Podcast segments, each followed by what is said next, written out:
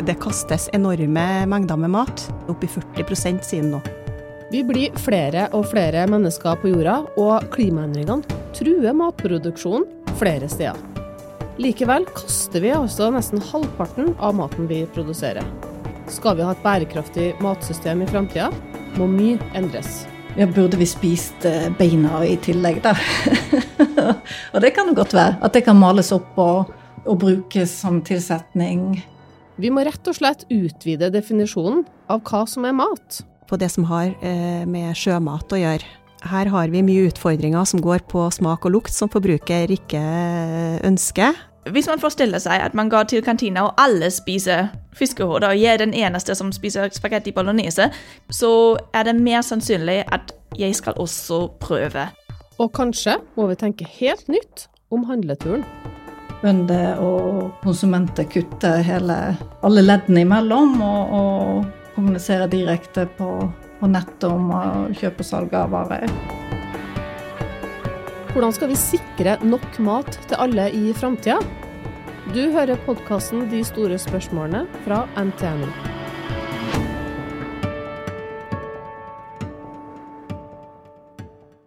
Det blir jo mangel på proteiner, og hvis en ser på at verdens befolkning øker òg, så vil vi ha behov for mer proteiner. Eva Falk er leder for NTNU Food Forum. Hun sitter i ledergruppa i European Food Forum, og hun har i mange år forska på hvordan vi skal utnytte de globale matressursene bedre. Helt på slutten av 90-tallet, da var jeg eh, ung forsker i Sintef. Og kom rett fra fiskeoljebransjen, så jeg hadde jo jobba med å utnytte eh, råstoff fra fisk tidligere. Men da skulle jeg jobbe med prosesslinja om bord. Og eh, for å utnytte mer av råstoffet om bord i havfiskeflåten vår, altså den som er langt ute på havet og oppe i Barentshavet. Da. Eh, og der vassa vi fisk. Det var, det var, levende liv rundt oss, og det var blod, og det var skulle bli mat. Men eh, ikke så lang tid etterpå så var det mye bare som rett og slett gikk til spille. Og det var eh, veldig trist.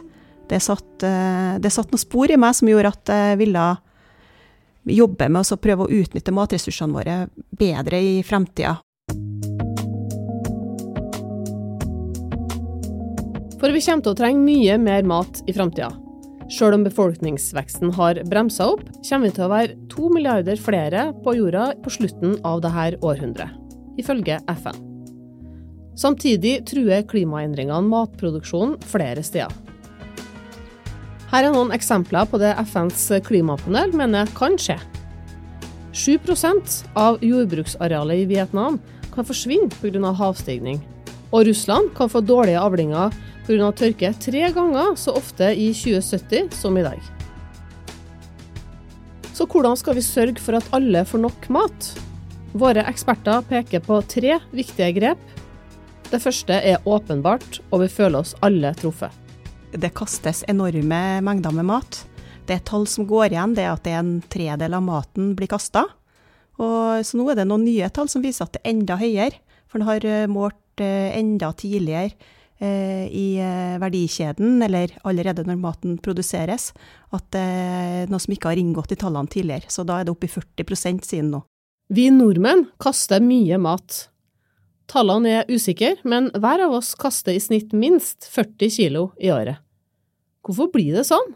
Ja, det, det er mange grunner. Og vi har ikke helt forståelsen for det ennå, men når en ser litt på hvorfor vi kaster så mye mer i de vestlige landene, så eh, kan det nok ha med at vi eh, er eh, Har vi blitt litt mer på en måte bortskjemt? Vi vet akkurat hva vi vil ha. Vi vil ha det som er standardisert. Og eh, hvis at den ser litt avvikende farge eller fasong, så vil ikke vi ha det lenger. Eh, men det kan også være at den er litt eh, redd for at det skal være, ikke være trygt lenger. Det med mattrygghet er jo kjempeviktig. Men det er gjort gode studier på det nå i forhold til hvorfor at vi taper så mye, eller hvorfor vi kaster så mye hjemmene våre òg. Og en del av det går på planlegging. Vi kan jo ha det litt travelt, og vet vi helt hva som er innerst i kjøleskapet. Eh, kan det ha blitt eh, eh, muggvekst på det før vi har brukt det. Det er jo forskjellige grunner til det. 55% av matsvinnet foregår i hjemmene våre. Og 22% på matproduksjon, industrileddet. Og så har du også store tap på grossist og på dagligvarehandelen. Så hvis en ser på hva vi taper der eh, i, Hvis en ser på matindustrien generelt, så er det ikke så veldig stor forskjell mellom matgruppene, i hvert fall det en har funnet til nå. Ser en på grossistleddet, så er det hovedsakelig eh, frukt og grønt det tapes enorme mengder av. Og i dagligvarehandelen så er det frukt og grønt og bakevarer som står for den største andelen. Men jeg tror nok eh, at eh, mest effektivt når det gjelder å utnytte, utnytte maten, det skjer før, før, den kommer inn i husholdet. At det, ikke, at, det ikke, er meningsfullt å grave ned et eh, lass med friske gulrøtter på jordet fordi at ikke det systemet at det ikke er økonomisk fornuftig eller systemet til å ta imot gulroten, eller at, eh, at det forsvinner et eller annet sted på veien til forbrukeren. Hilde Bjørkhaug er professor i sosiologi ved NTNU, og har forska mye på landbruk og matsystemer.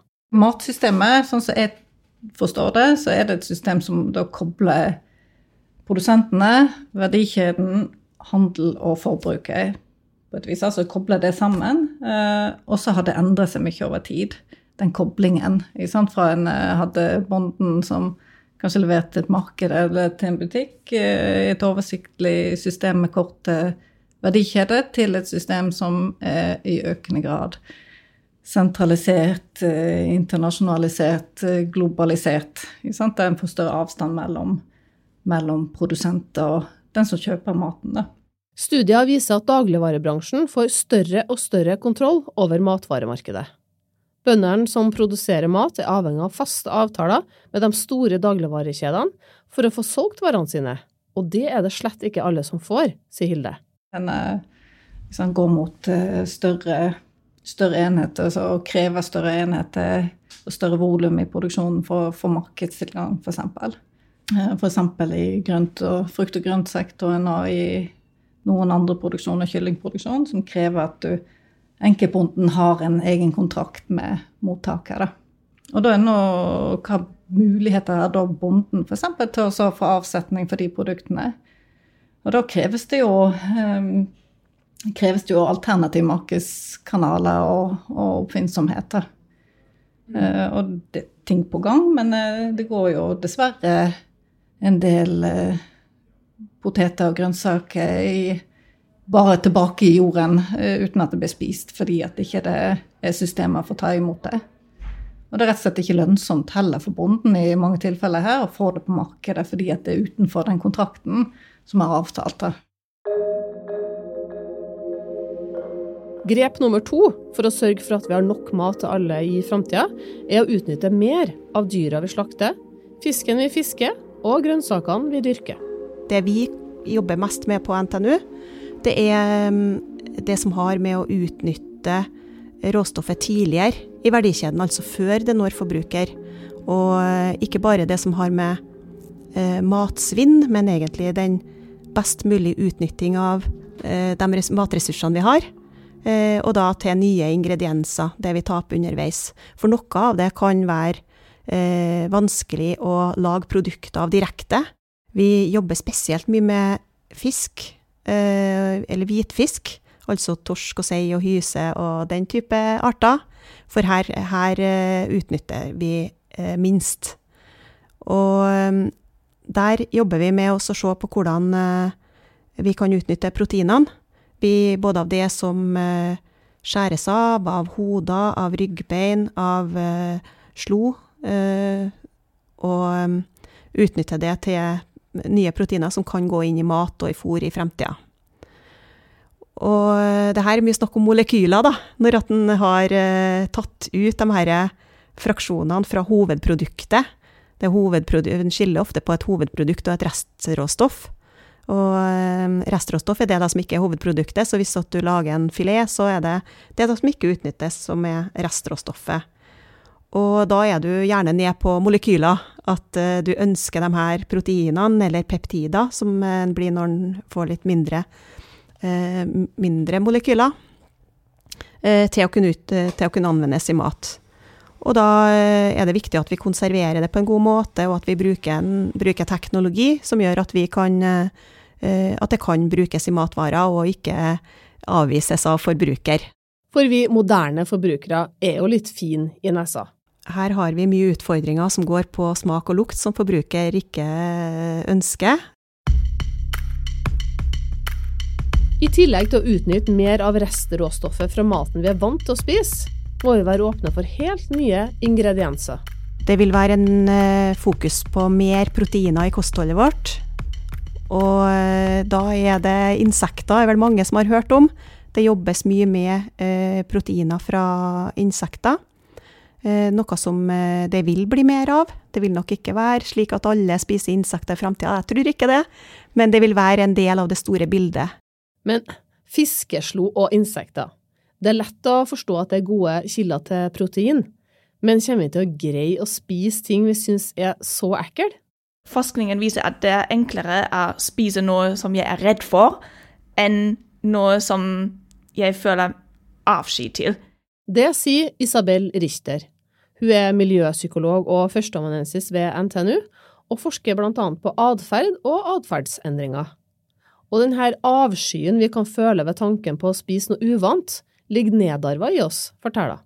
Ja, absolutt. Den er evolusjonær. Um, og det er også noe som kalles implicit associations. Og det betyr at hvis jeg lukter noe, eller hvis jeg leser et ord, så er det um, spesielle områder i hjernen mitt som blir aktivert. Og det skjer uh, i sekunder. Veldig, veldig raskt. Um, og det er vanskelig å um, forandre det. Og eksempel insekter vanligvis har negative implicit associations.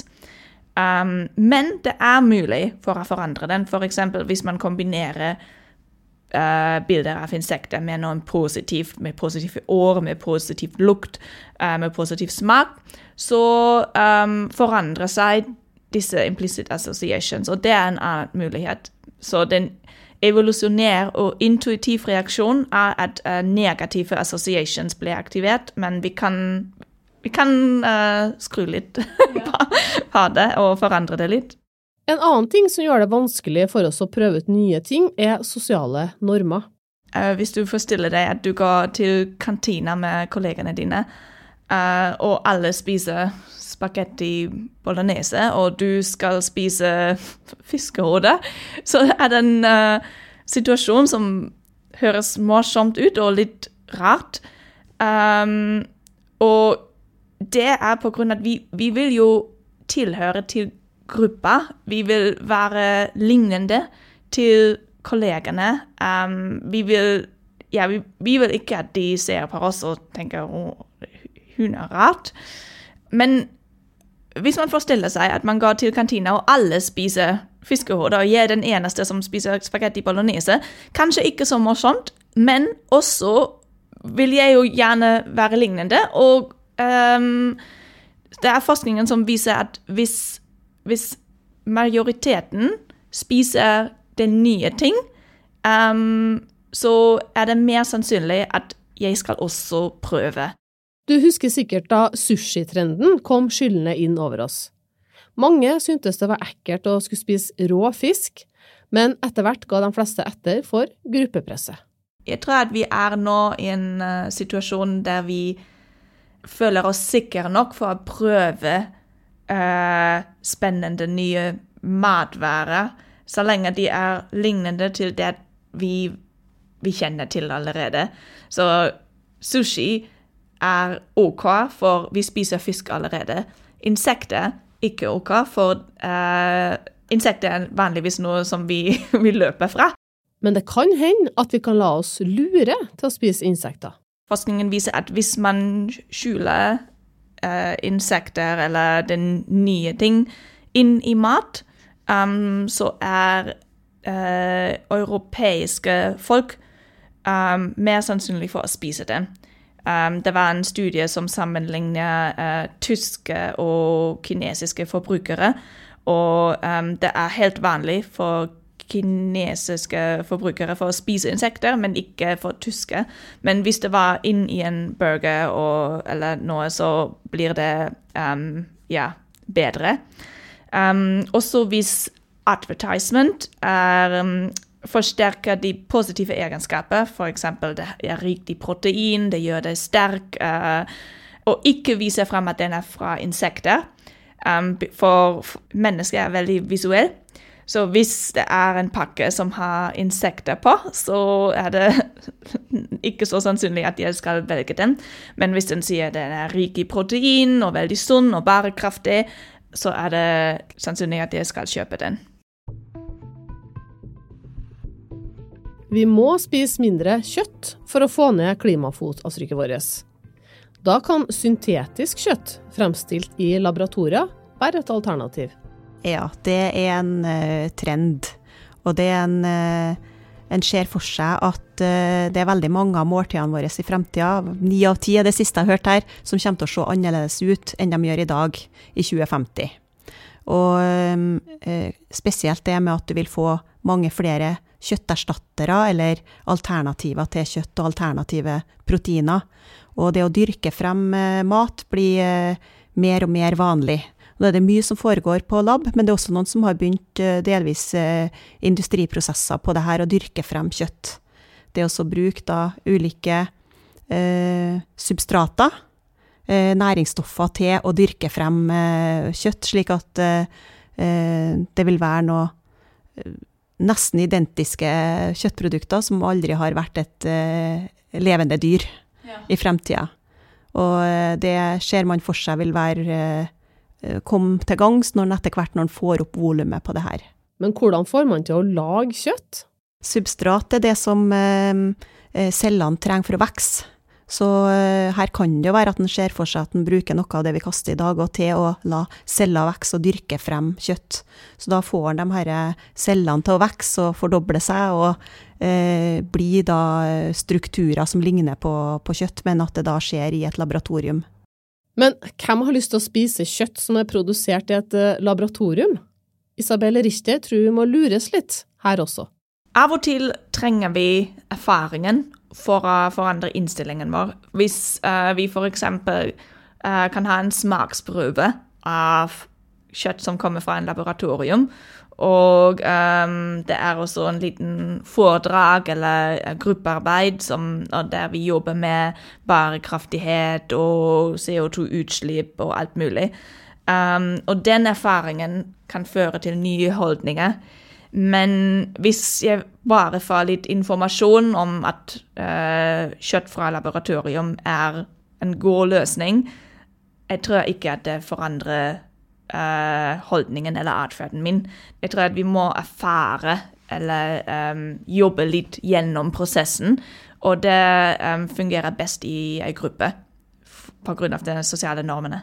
Så hvordan produktene presenteres for oss er alfa og omega? Everything is good advertisement. Det tredje grepet vi må ta for å få mer mat til alle oss som skal bo på denne kloden Vi kommer til å spise litt mer uh, kortreist mat. Spår matforsker Eva Falk. Vi må utnytte den matjorda som finnes, få ned transporten og gi mer makt til bonden, sier Hilde Bjørkhaug.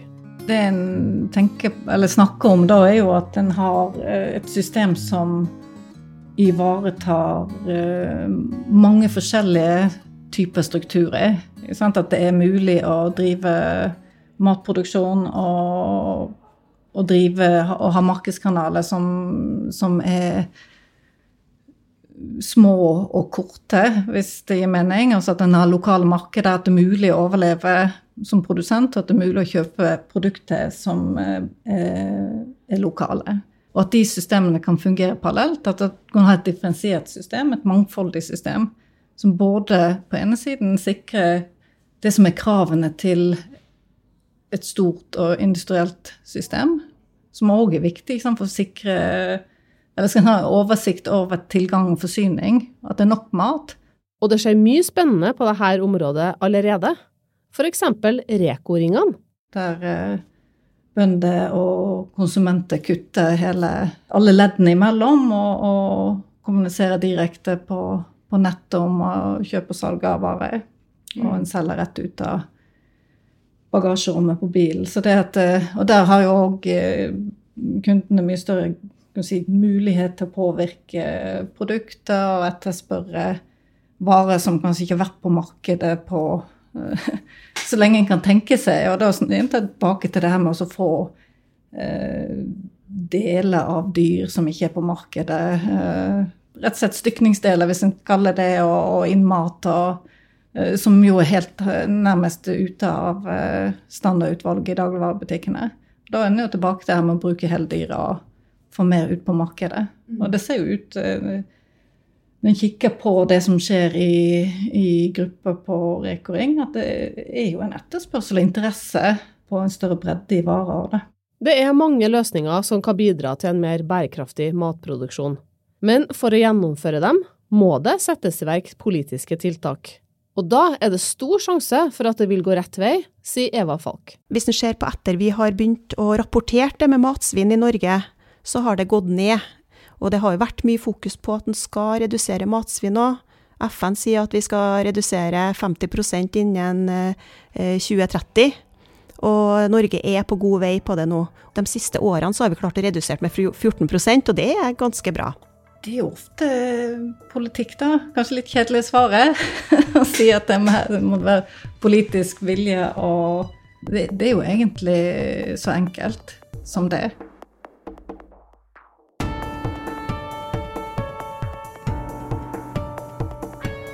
Du har hørt podkasten De store spørsmålene. Produsent er Randi Lillealteren, og jeg heter Anne Sliper Midling. Serien er produsert av Historiebruket og Antenio.